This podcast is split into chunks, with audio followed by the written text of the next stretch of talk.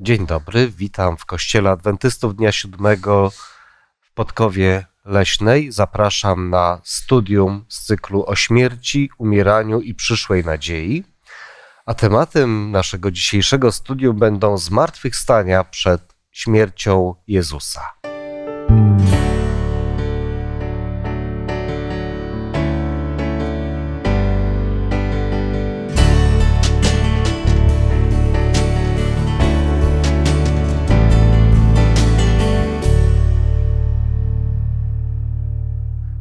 Dzisiaj razem ze mną a prowadzić to studium będą Waldemar, Anna, Radek, a ja mam na imię Remigiusz. Zanim zaczniemy nasze studium, zanim zaczniemy otwierać Pismo Święte, będziemy chcieli się pomodlić o Boże prowadzenie podczas tego studium. Ojcze nasz, który mieszkasz w niebie, wszechmogący Boże, przychodzimy przed Twój majestat, bo chcemy Ci, Panie, podziękować za tą możliwość, kolejną możliwość y, na pochylania się nad Twoim słowem, studiowania Twojego słowa. Panie Boże, prosimy Cię o to, żebyś dał nam możliwość skupienia się nad nim, żebyś dał nam odpowiednie myśli, żeby, żebyśmy my potrafili wyrazić to, co Ty chcesz przez nas powiedzieć. I Panie, bądź z naszymi słuchaczami, spraw, żeby potrafili też skorzystać z tego nagrania. W imieniu Pana Jezusa o to proszę. Amen. Amen. Zmartwychwstanie jest chyba jednym z największych cudów e, opisywanych w Biblii. Przywracanie życia jest przełamaniem śmierci, która kończy życie. Będziemy dzisiaj chcieli przestudiować kilka scen, kilka historii ludzi, którzy zmartwychwstali przed śmiercią Pana Jezusa. Będziemy chcieli także szukać współczesnego znaczenia tych cudów. Szczególnie teraz, kiedy to nasze studium będzie tuż przed tym czasem, kiedy w taki naturalny sposób. Częściej myślimy o śmierci, o przemijaniu, o naszym życiu i o nadziei. Będziemy chcieli dzisiaj spojrzeć na kilka historii biblijnych, które mówią o zmartwychwstaniu. Pierwsza z nich, to jest pierwsza scena zmartwychwstania, dotyczy Mojżesza. Radku, chciałem Cię poprosić o to, abyś tak troszkę naświetlił nam tło historii Mojżesza i historii końca jego życia. E, tak, może zanim o końcu jego życia, to jeszcze powiem, e, co się wydarzyło przed. Otóż była jednak taka sytuacja, która znacząco wpłynęła na to, jak się historia potoczyła. E, a mianowicie chodzi o to, że gdy Izraelici narzekali, że nie mają wody, a zdarzało się to wiele razy, to była taka historia, że gdy Mojżesz poprosił Pana Boga, daj nam wody, bo tutaj ludzie narzekają, Pan Bóg powiedział mu, dobrze, w takim razie przemówisz do skały i woda wypłynie i Izraelici będą mieli co pić. Ale Mojżesz tak nie zrobił. Mojżesz zamiast tego uderzył w skałę, tak jak to robił przy poprzedniej sytuacji. Pan Bóg z tego powodu na niego się e, rozgniewał i powiedział, że nie wejdzie do ziemi obiecanej. E, I Później mamy właśnie tę historię opisaną w Biblii, jak Mojżesz umiera e, i pojawiają się tam takie słowa, że nikt nie wie, gdzie jest pochowany. I chyba o tym będziemy teraz dyskutować. Co się stało z ciałem Mojżesza? Dlaczego nie wiemy, gdzie został pochowany? To zajrzyjmy do słowa. Przeczytajmy opis, historię pogrzebu Mojżesza. Piąta, e, przepraszam, Księga Powtórzonego Prawa, 34 rozdział od 5 do 7 wiersza. I umarł tam Mojżesz, sługa Pana, w ziemi moabskiej, zgodnie ze słowem Pana. I pogrzebał go w dolinie w ziemi moabskiej naprzeciw Bet Peor, a nikt nie zna po dziś dzień jego grobu. A Mojżesz miał 120 lat w chwili swojej śmierci, ale wzrok jego nie był przyćmiony i nie ustała jego świeżość. Dziękuję bardzo. Niedawno mieliśmy okazję oglądać wielki pogrzeb królowej Elżbiety II. Potężna, ogromna ceremonia, bardzo uroczysta, z udziałem tysięcy ludzi, wielkim orszakiem. Mojżesz także był przywódcą, bardzo słynnym, prowadzącym kilkumilionowy naród z Egiptu do ziemi obiecanej. Tak jak wspomniane, nie dotarł, ale zobaczcie, jaki jest opis pogrzebu. Skromnego, właściwie tylko z jednym świadkiem tego pogrzebu. A Bogiem, bo nie było nikogo więcej. Bóg też przygotował grób. No, prawdopodobnie też Izraelici nie wiedzieli o tym, gdzie jest grób Mojżesza, żeby nie stworzyli sobie z tego grobu miejsca kultu. I można było powiedzieć, no taki pochówek niegodny tak wielkiego przywódcy.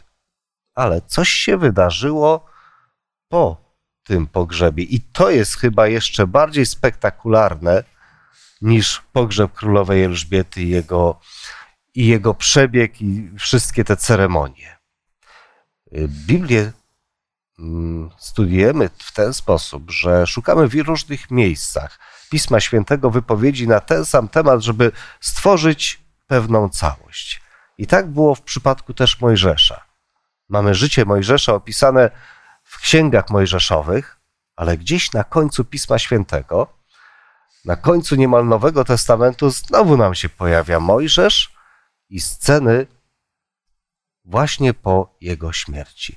List Judy, pierwszy rozdział, dziewiąty wiersz. Przeczytajmy te słowa. Tymczasem Archanioł Michał, gdy z diabłem wiódł spór i układał się o ciało Mojżesza, nie ośmielił się wypowiedzieć bluźnierczego sądu, lecz rzekł: Niech cię Pan potępi. O, to jest, są bardzo dziwne słowa. Autor jednej z ksiąg Nowego Testamentu nawiązuje do tejże historii, jakby tworzy ciąg dalszy. Czy jeszcze gdzieś w tej historii jest jakiś element, czy jeszcze możecie tutaj właśnie tą metodą szukania w całej Biblii mm, całości historii jeszcze wskazać na jakieś inne miejsce, które nawiązuje do tamtego wydarzenia? Jak, jak, najbardziej możemy znaleźć też inne miejsca jeszcze w Pismie Świętym, które mówią o, o, właśnie sytuacji, która by bardziej rozjaśniła nam tło tutaj listu Judy, ponieważ no, sam tekst, który przeczytaliśmy, jest trudny, jest jednym z najtrudniejszych do interpretacji, wydaje mi się, w, w Nowym Testamencie, dlatego że e, nie mamy źródeł, czy nie wiemy dokładnie skąd on został zaczerpnięty. Najprawdopodobniej z księgi, która nazywa się Testament Mojżesza lub w niebo Mojżesza, e, ale fragment, którego dotyczy ten tekst się nie zachował, więc możemy tutaj polegać tylko jedynie na zdaniu e, ojców kościoła, takich jak Orygenes czy Klemens Aleksandryjski, którzy właśnie mm, o tym piszą, że z tej księgi z księgi Testament Mojżesza został zaczerpnięty ten tekst, do którego nawiązuje Juda ale na szczęście mamy też inne fragmenty, jak na przykład y, fragment z Ewangelii Łukasza, gdzie na górze przemienienia pojawiają się Mojżesz i Eliasz, no, co pokazuje nam, że właśnie Mojżesz był jednym z tych, który zmartwychwstał, którego Pan Jezus z martwych wzbudził i dokonał cudu. Poukładajmy sobie jeszcze raz. A Bóg dokonuje pogrzebu Mojżesza. I tam na tej górze, gdzie znajdował się grób Mojżesza, wydarzyła się jakaś spektakularna scena. Ja przypomnę tylko. Archanioł Michał, który w Biblii jest utożsamiany z Panem Jezusem, toczy spór z diabłem i układa się o ciało Mojżesza, czyli trwają jakieś negocjacje, jakiś spór, jakieś negocjacje właśnie o ciało Mojżesza. I wreszcie jak sobie wyobrażam. Archanioł Michał traci cierpliwość i odzywa się do diabła, niech cię Pan potępi. Koniec sporu. O co mogli się oprócz ciała Jezus, ciała Mojżesza, przepraszam, spierać Archanioł Michał i a, diabeł? Co mógł ten spór się toczyć? Mojżesz był takim samym człowiekiem jak my, mimo że był wielkim przywódcą y, Izraela i bardzo blisko Boga chodzącym człowiekiem, ale był takim samym jak my, ponieważ był istotą grzeszną. E, Radek tu opowiedział o jednym z e, opisanym grzechu Mojżesza, ale on tych grzechów pewnie miał znacznie, znacznie więcej. Szatan uważał, że Mojżesz, ponieważ jest grzeszną istotą, nie powinien dostąpić zaszczytów w niebo wstąpienia, bycia, życia w obecności Boga. I o to się toczył właśnie spór. Archanioł Michał, czyli Jezus Chrystus, na podstawie swoich zasług zmartwych, chciał zmartwych zbudzić Jezusa, a szatan, Mojżesza, a szatan się przeciwstawiał. Oto się toczył ten spór. Czyli szatan zacierał ręce i mówił, no Mojżesz nagrzeszył tyle, że jest mój. I przeżył przykrą niespodziankę. I mamy właśnie scenę na Górze Przemienienia, gdzie mamy Mojżesza i Eliasza rozmawiających z Jezusem. Dlaczego akurat te dwie, dwie postacie? Sam tekst ma też taki wymiar y, w, pewien, w pewnym rodzaju symboliczny, dlatego że no, tam w tej historii w kontekście chodzi też o to, że Mojżesz i Eliasz symbolizują dwie części Pisma mm. Świętego, prawo i proroków, dwie najważniejsze dla, dla Żydów części, e, więc no, to jest taki wymiar symboliczny, natomiast te postacie były też jednymi z takich najbardziej mm, znaczących w Piśmie Świętym, a też rozmawiając o zmartwychwstaniu i z Eliaszem związana jest pewna historia e, zmartwychwstania, o której będziemy rozmawiać, mhm. zmartwychwzbudzenia pewnego chłopca.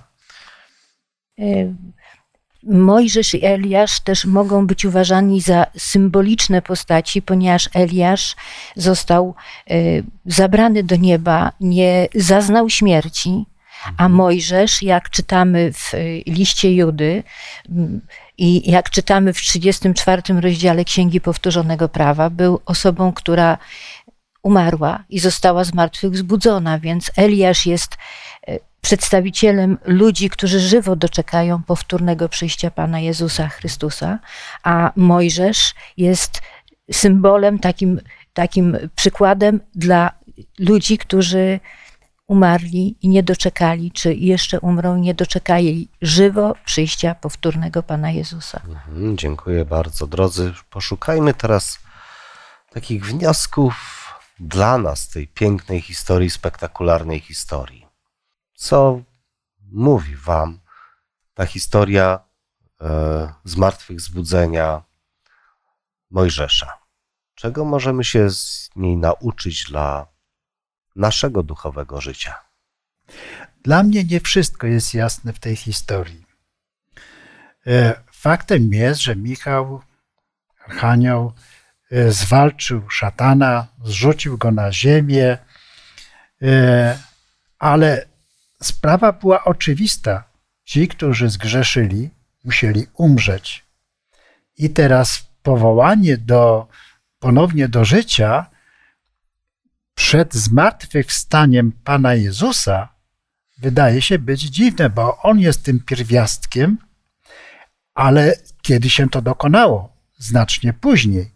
Więc teraz na jakiej podstawie Pan Jezus, czy Michał, anioł, archanioł, yy, układa się, bo jest słowo układa się, mhm. więc coś jest znaczącego w tym. Jest jakaś sytuacja, która między nimi, przeciwnikiem, szatanem, a Panem Jezusem była niejasna. Ale widzimy, że sprawę zamyka jednoznacznie, mówiąc, niech cię Bóg potępi. Czyli nie on sam decyduje, jak gdyby w tym momencie, ale Bóg Ojciec, który jest w niebie, e, do którego jak gdyby w tym sensie szatan nie ma już możliwości przystępu i dyskutowania i czegokolwiek e, rozstrzygania. Właściwie Michał, Archanioł, Michał jest wykonawcą jak gdyby pewnej decyzji Boga. Mało tego, czytamy e, w wielu miejscach, że Mojżesz był przyjacielem Boga, był bliskim. Dlaczego jeszcze jedna rzecz może tak nawiążę do tego? Tak wydaje się nam srogo został ukarany Mojżesz, prowadząc tyle lat ten naród do ziemi kananejskiej i nie może niej, do niej dostąpić. Może dlatego, że po pierwsze był tym e, symbolem na Pana Jezusa. gdzie miała być ta zachowana niesamowita cierpliwość, e, ta, ta, ta, e, ta, ta zapobiegliwość o naród i tak dalej, która była w nim, ale po prostu zmęczył się tym narodem, zmęczyli go tym swoim narzekaniem i tak dalej. I to w nerwach właściwie tak postąpił, jak postąpił, ale nie miał jak gdyby do końca prawa do tego i to jak gdyby kara. Ale czy rzeczywiście kara? Powiedzmy sobie szczerze, zamiast do tego idzie tej ziemi kananejskiej, gdzie wcale dobrze potem się nie działo, od razu idzie do ziemi e, świętej, czyli e, w Królestwie Bożym, czyli do nieba. Więc zamiar o wiele lepszy i ciekawszy, prawda? Natomiast myślę, że te dwie kwestie są nie do końca nam tutaj wyjaśnione i wypowiedziane.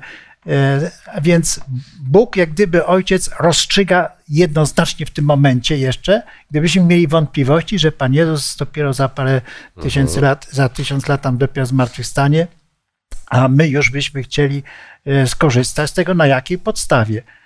Widać, jest jeszcze jakiś inny sposób rozstrzygania kwestii zmartwychwstania. O, jest, jest. To są bardzo ciekawe wnioski, ale dla mnie ta historia jest okazaniem wielkiej Bożej łaski i działania Bożej łaski.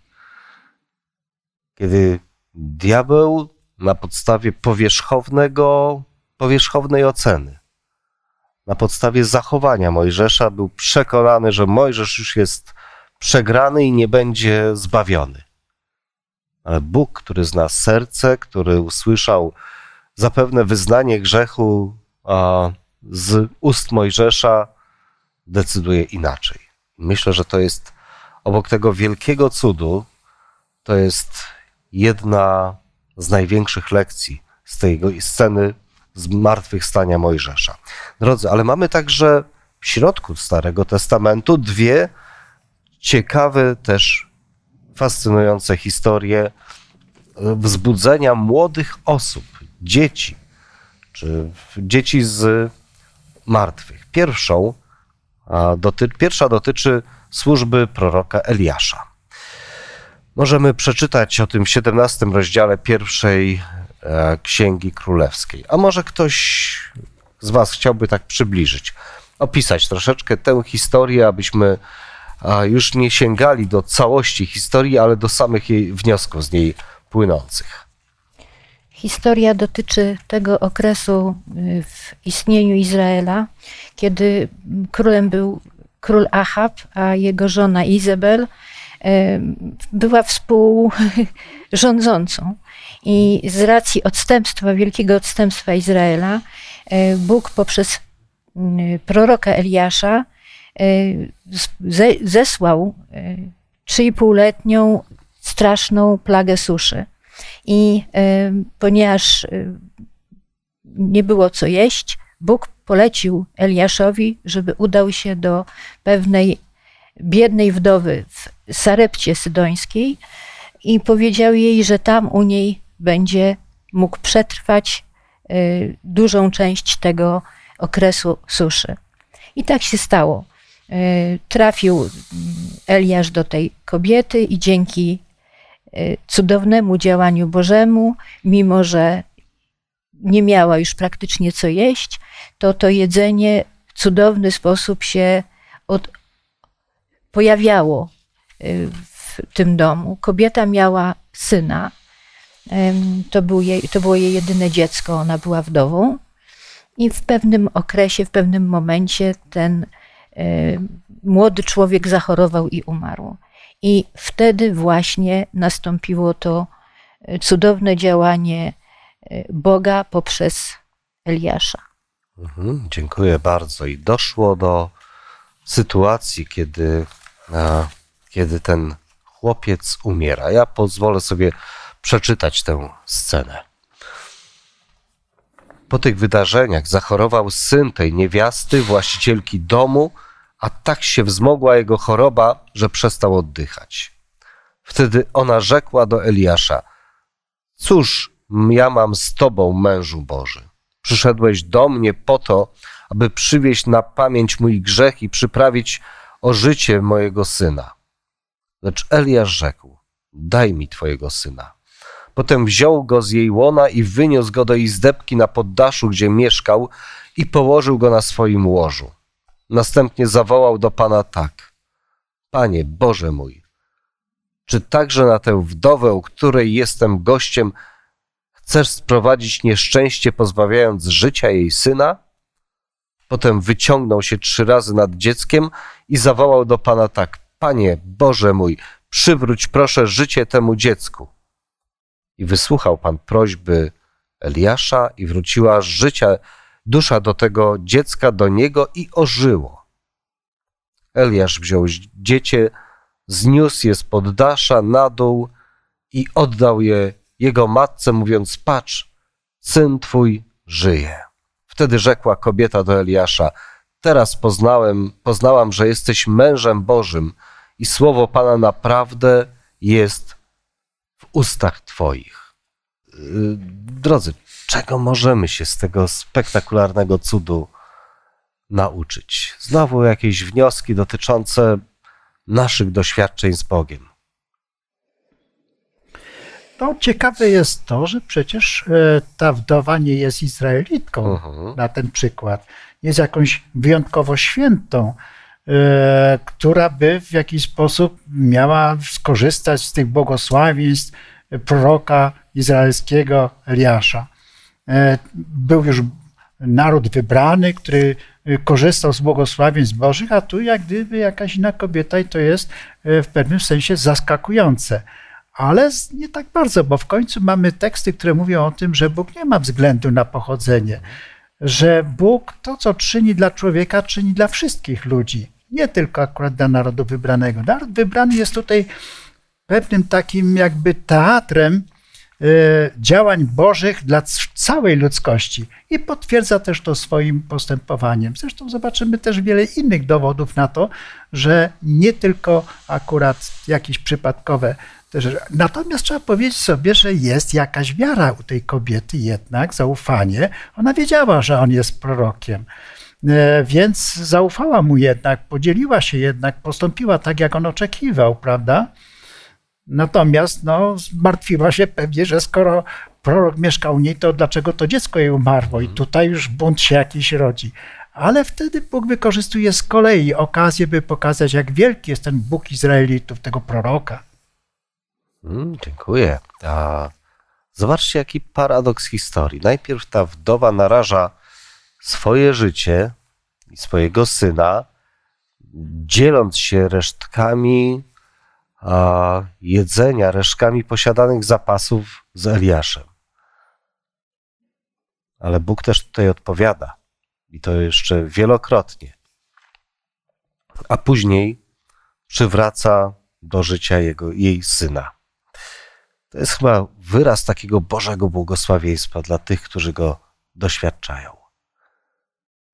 Ale pewnie czytelników i słuchaczy a, mogło zainteresować, mogło zwrócić uwagę pewien zwrot zawarty w opisie tej historii. O tym, że dusza wróciła do tego chłopca. Co o tym sądzicie? No Ja myślę, że to jest kwestia tłumaczenia. Mhm. Myślę, że jest to kwestia tłumaczenia, ponieważ w wielu przekładach sprawdzaliśmy to, są różnie oddane te słowa. Powrócił dech życia, powróciło życie, mówi się i tak dalej. Ja myślę, że to e, ci, którzy tłumaczą, prawda, tłumacze są już czasem, e, byli też tłumacze, którzy już inaczej pojmowali pewne kwestie i tak to nazwano, ale de facto no to Bóg dał, zwrócił dech życia, jak Mhm. Chociaż może nie we wszystkich przypadkach tak samo było, bo jeżeli na przykład będziemy pewnie rozmawiać o Łazarzu, no to tam chyba jeszcze trzeba byłoby powiedzieć o tym, że ciało e, to nie tylko dech życia, ale że ciało, które już gnije się, psuje, prawda, Mhm. jest na nowo e, powraca do życia i jest zdrowe w pewnym sensie przynajmniej, tak? Więc tutaj e, na pewno chodzi o to samo e, ciało. A może jeszcze warto ciekawe, bo może nie powiedzieliśmy, Mojżesz, jak czytaliśmy, pojawia się w ciele. Mhm. Jeszcze krótko tylko dopowiem, że zgadzam się tutaj z wypowiedzią. Nie jestem jakimś specjalistą od, od hebrajskiego, ale na tyle, co sprawdzałem, to słowo, które tam jest użyte, właśnie odnosi się bardziej do życia, do życia niż do duszy. Ale nawet gdyby odnosiło się do duszy, no to tutaj e, Izraelici nie mieli takiej koncepcji duszy jak Grecy. Oni patrzyli na człowieka w sposób holistyczny, całościowy, nie dzielili go.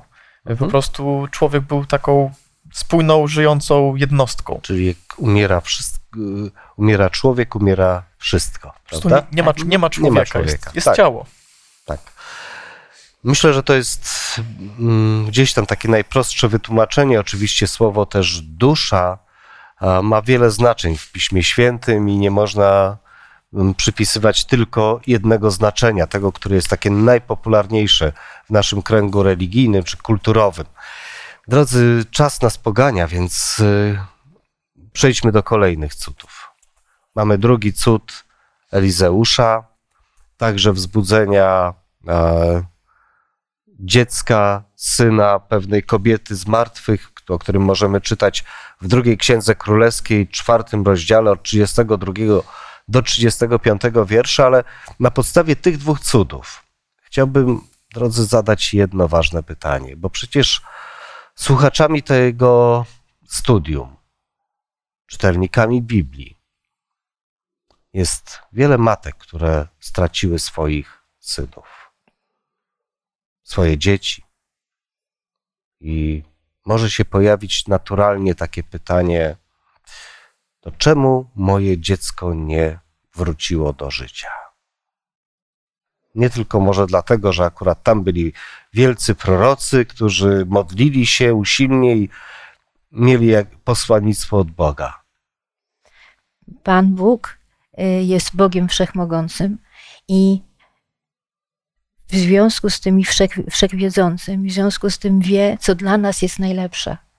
I jeśli dochodzi do nieszczęścia z naszego punktu widzenia, wielkiego nieszczęścia, śmierci dziecka, y, to jest to sytuacja, która jest, może być lepszym rozwiązaniem niż by, gdyby to dziecko dalej żyło. Musimy ufać Panu Bogu, ponieważ Bóg wie więcej i jest miłością, On nas kocha.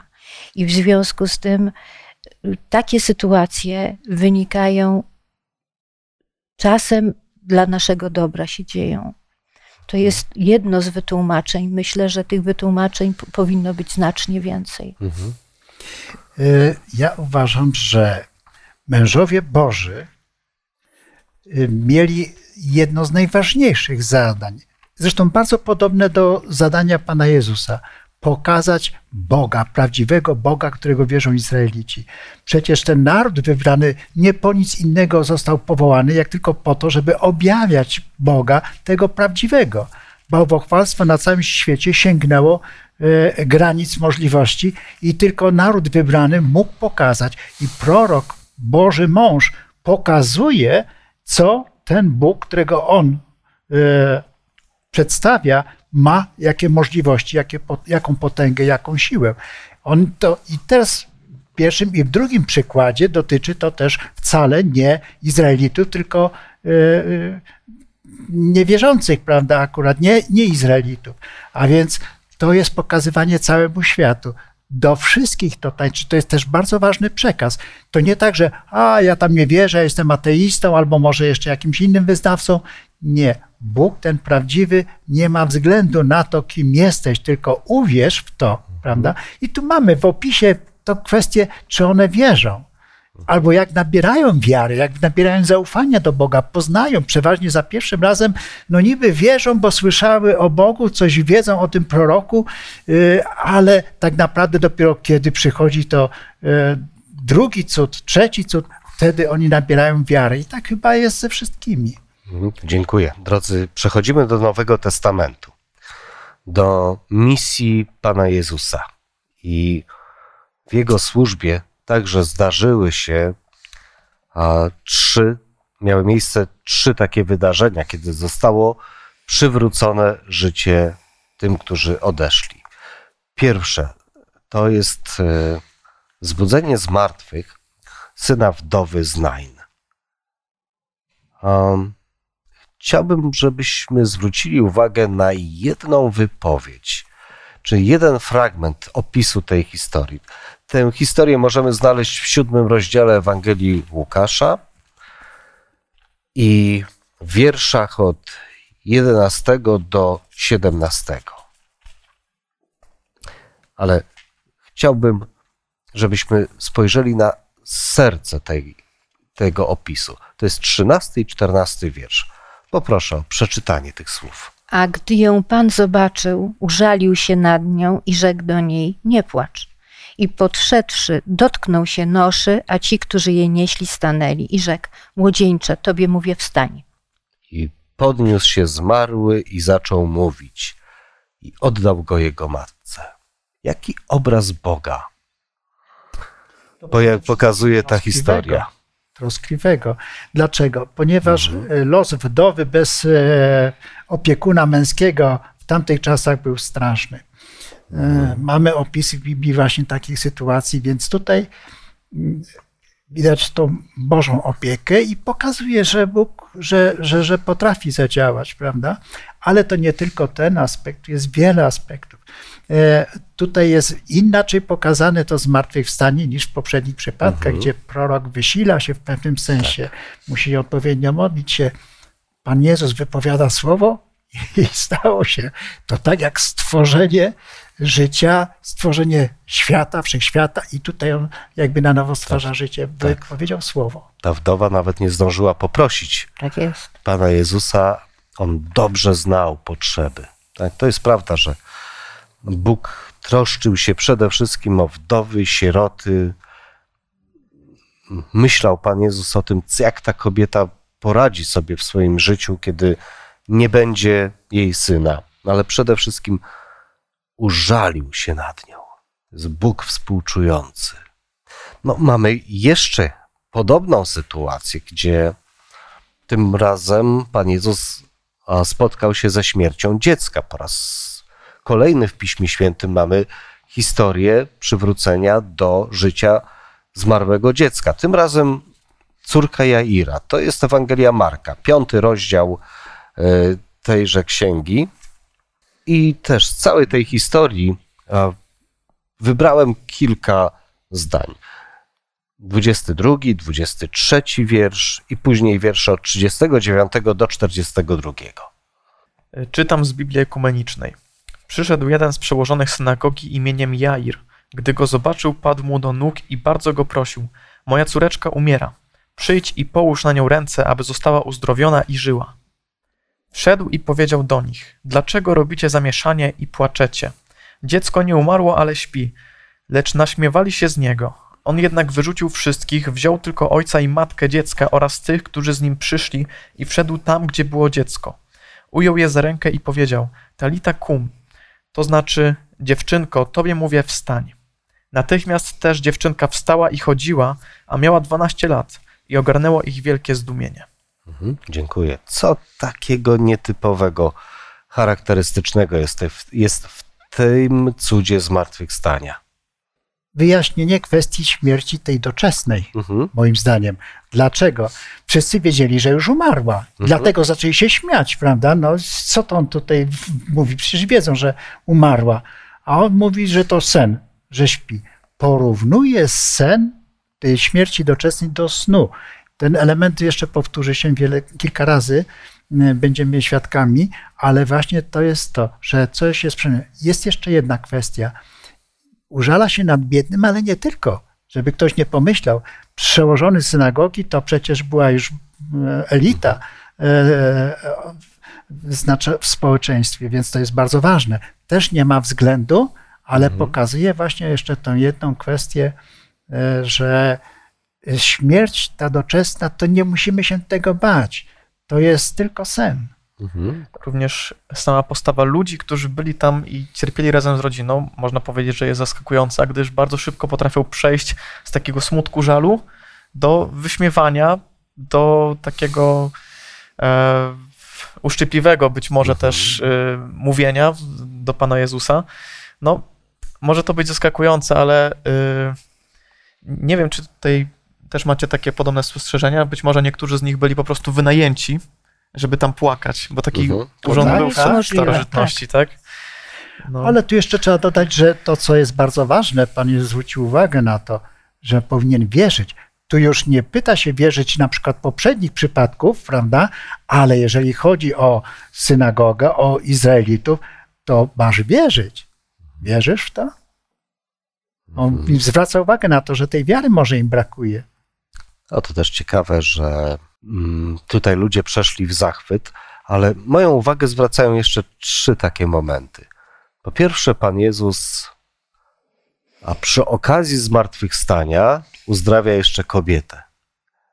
Sam mówi, że odeszła od niego cała moc, ale mimo to jest w stanie uczynić każdy cud, który jest konieczny w danej sytuacji. No, po drugie, ci ludzie przechodzą faktycznie z wyśmiewania w zachwyt. Jest jeszcze jedna rzecz. Troska Pana Jezusa o całość e, życia tej dziewczynki. Bo gdy wzbudził ją z martwych, to dał polecenie też. Dajcie jej jeść, nakarmcie ją. To jest przywrócenie do życia. A mnie się wydaje, że to było polecenie, ponieważ jest możliwe, że część z tych ludzi myślała, że to jest duch. A tak. Możliwe. No, bardzo ciekawy wniosek.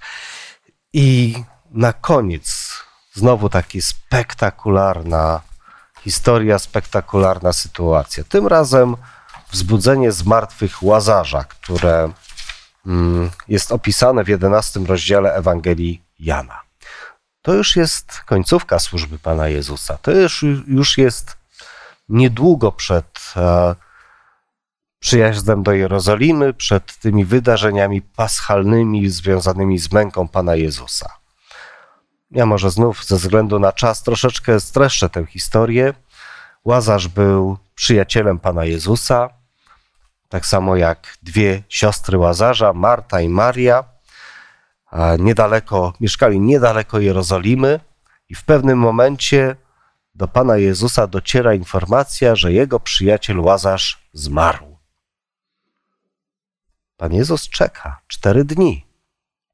Dopiero w tym momencie wyrusza, żeby a, dojść do domu Łazarza i jego rodzeństwa. I wtedy też dochodzi do takiej rozmowy między Martą a Panem Jezusem. No już odnieśmy się do, tej, do samej tej rozmowy. To jest Ewangelia Jana, 11 rozdział, od 25 do 27 wiersza.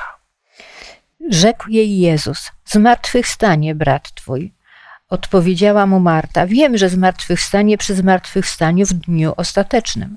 Rzekł jej Jezus: Jam jest zmartwychwstanie i żywot. Kto we mnie wierzy, choćby i umarł, żyć będzie, a kto żyje i wierzy we mnie, nie umrze na wieki. Czy wierzysz w to?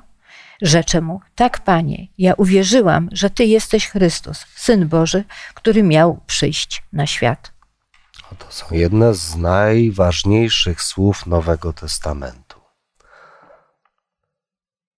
Marta mówi: Tak, wierzę, że zmartwychwstanie wtedy, kiedy nastąpi zmartwychwstanie wszystkich. Wie zapewne o tym chociażby z księgi Daniela, która też właśnie zapowiada takie zmartwychwstanie, ale odpowiedź Pana Jezusa jest tutaj bardzo ważna. Jakim ona może być przesłaniem dla nas dzisiaj? Ja jestem zmartwychwstanie i żywot.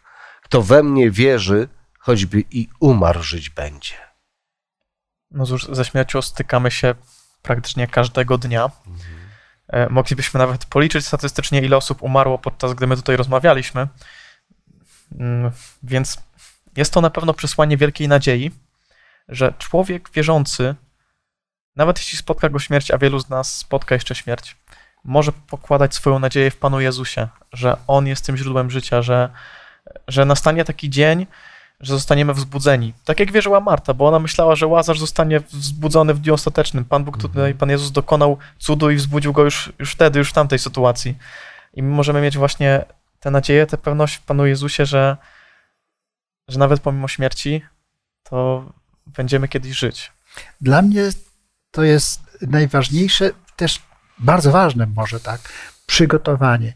Najpierw mówi Pan Jezus do uczniów, że zasnął Łazarz. Potem wyjaśnia, że to jest Mhm. śmierć, że nie rozumieją. Ale co dla mnie osobiście znaczy, to naprawdę należy tę śmierć, która nas spotyka, potraktować dosłownie jak sen. Y, Te wszystkie rozpacze, no ja wiem, że się rozpacza, rozpaczamy za tym, co bliskiego i dobrego nas spotkało, ale ja wiem już z doświadczenia swojego, mam sporo lat, że czasem te rozpaczy to takie są, że tam Mhm. trudno mówić o rozpaczy, ale sam fakt, że Pan Jezus mówi, ja jestem zmartwychwstaniem, nadaje mojemu życiu sens, ponieważ ja w Niego wierzę. On już pokazał i udowodnił, że potrafi zmartwych wzbudzić i do tego życia wiecznego mnie to interesuje. To zmartwychwstanie jest ważne. Tamto życie, a nie to teraz, co kończy się tym snem. Myślę, że też ta wypowiedź Pana Jezusa, porównanie śmierci do snu, w pewien sposób, a on w całkowity sposób, może rozwiać różne obawy ludzi, którzy tracą swoich bliskich zadają sobie pytanie, co dzieje się z tymi osobami. Pamiętam taką rozmowę na cmentarzu, gdy prowadziłem pogrzeb. E, I podeszła po tym pogrzebie do mnie kobieta, która też była na tym cmentarzu, której dziecko było pochowane, e, które zmarło. Akurat nie to, którego prowadziłem pogrzeb. I zapytała mnie, jak jemu tam jest? Czy nie jest mu zimno? Ja wiem, że tak, może takie proste pytanie, bardzo prostolinijne, Tak. Ale bardzo wiele różnych pytań zadają sobie ludzie na temat śmierci i tego, co dzieje się z bliskimi po zakończeniu życia. Odpowiedź jest prosta. Śmierć jest wrogiem, ale tu jest pokazana w takim bardzo przyjaznym aspekcie. To jest sen. Bardzo ciekawe, że mimo tylu zmartwychwstań nie ma ani jednego opisu mówiącego o życiu po życiu. Tak. O tym, co by tam się. Oni w ogóle nie wiedzieli o tym, żeby coś w tym czasie się stało. Nie ma najmniejszego przekazu. Po prostu wstali, żyli dalej do kolejnej O śmierci. tym, o tym moglibyśmy jeszcze naprawdę dużo mówić. Pozwólcie, że już będę tak podsumowywał. No, Cała ta historia ma jeszcze dwa, przynajmniej dla mnie, takie aspekty. Pierwszy to jest taki mm, najkrótszy wiersz, najkrótszy werset w całej Ewangelii ponoć w całej Biblii. To jest 35 wiersz. I zapłakał Jezus. Znowu pokazanie Boga, który jest Bogiem współczującym. I później to już jest, polecam widzom doczytanie sobie tej historii, bądź przeczytanie całego, całej tej historii, ale sama scena zmartwychwstania. Niesamowicie spektakularna. Można sobie wyobrazić łazarza, który wychodzi w tychże bandażach, no gdzieś po otwarciu grobu, pewnie ten nieprzyjemny zapach, ciało już w skłanie, stanie rozkładu i wstaje. Nie ma już tych śladów śmierci. Taka ilustracja tego, co będzie się działo w czasie zmartwychwstania, związanego z powtórnym przyjściem Pana Jezusa. No drodzy, to jest też pytanie. Jaką mieli świadomość ci ludzie, którzy zostali w zmartwych zbudzeni i żyli dalej? Ale to jest także taka do rozważań, do mm, wyobraźni, a może też pewnych domysłów dla nas wszystkich. Jak byśmy się czuli, gdybyśmy byli zmartwych zbudzeni i mieli świadomość, że czeka nas to jeszcze raz? Opowiadałbym wszystkim o tym. No. Łazarz też to robił i, Tak. i, i jego życie było zagrożone ze strony tych, którzy nie akceptowali tego cudu. Rozmawialiśmy dzisiaj o zmartwychwstaniach przed śmiercią Jezusa. No, jeszcze moglibyśmy uzupełnić o jedno: o zmartwychwstaniu przed zmartwychwstaniem Pana Jezusa. Ludzi, którzy znajdowali się na cmentarzach wokół Jerozolimy, ludzi świętych, ludzi, ludzi sprawiedliwych, ale to już jest inny temat. ale myślę, że myśląc o tej naszej śmierci, o naszej przyszłości, warto wracać do tych cudów biblijnych zmartwychwstania z taką nadzieją, że to może czekać nas i tych, którzy bliskich, którzy odeszli do, od nas, jeśli tylko będziemy, tak jak mówiła Marta, wierzyć w to. Następne studium będzie nosiło tytuł On umarł za nas. Będzie odnosiło się do sedna nadziei zmartwychwstania, jakim była śmierć Pana Jezusa i zgładzenie naszych grzechów. Zakończmy naszą, nasze studium modlitwą. Boże Ojcze Wszechmogący, dziękujemy Tobie za Twoje słowo oraz Ducha Świętego, który pozwala nam zrozumieć, jak e, czasem trudno w świecie funkcjonujące pojęcia e, wyglądają zupełnie inaczej z Twojej perspektywy, Boże. Dziękujemy za to więc, że otwierasz nam oczy, że widzimy, jaka jest prawda. Nasze życie nabiera sensu wtedy, kiedy wiemy o tym, że e, te kilkadziesiąt lat życia podsumowane snem, śmiercią doczesną jest niewiele ważne i znaczące, jeżeli nie jest czasem na poznanie Ciebie. Gdyż prawdziwe życie zacznie się wtedy, kiedy wraz z Panem Jezusem zmartwychwstaniemy y, do innego życia. Pan Jezus dziś wstawia się za nami w świątyni niebiańskiej, abyśmy mogli zrozumieć tę prawdę i uwierzyli w Niego. Uwierzyli w Niego, że On jest zmartwychwstaniem, jest pierwiastkiem tych, którzy zmartwychwstaną.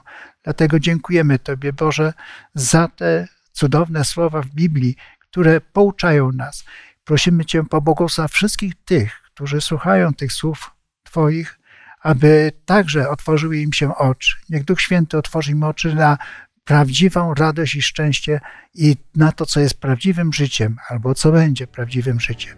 Chwała Tobie i dziękczynienie za Twoje słowa i za wszystko, co czynisz dla ludzkości, aby była zbawiona.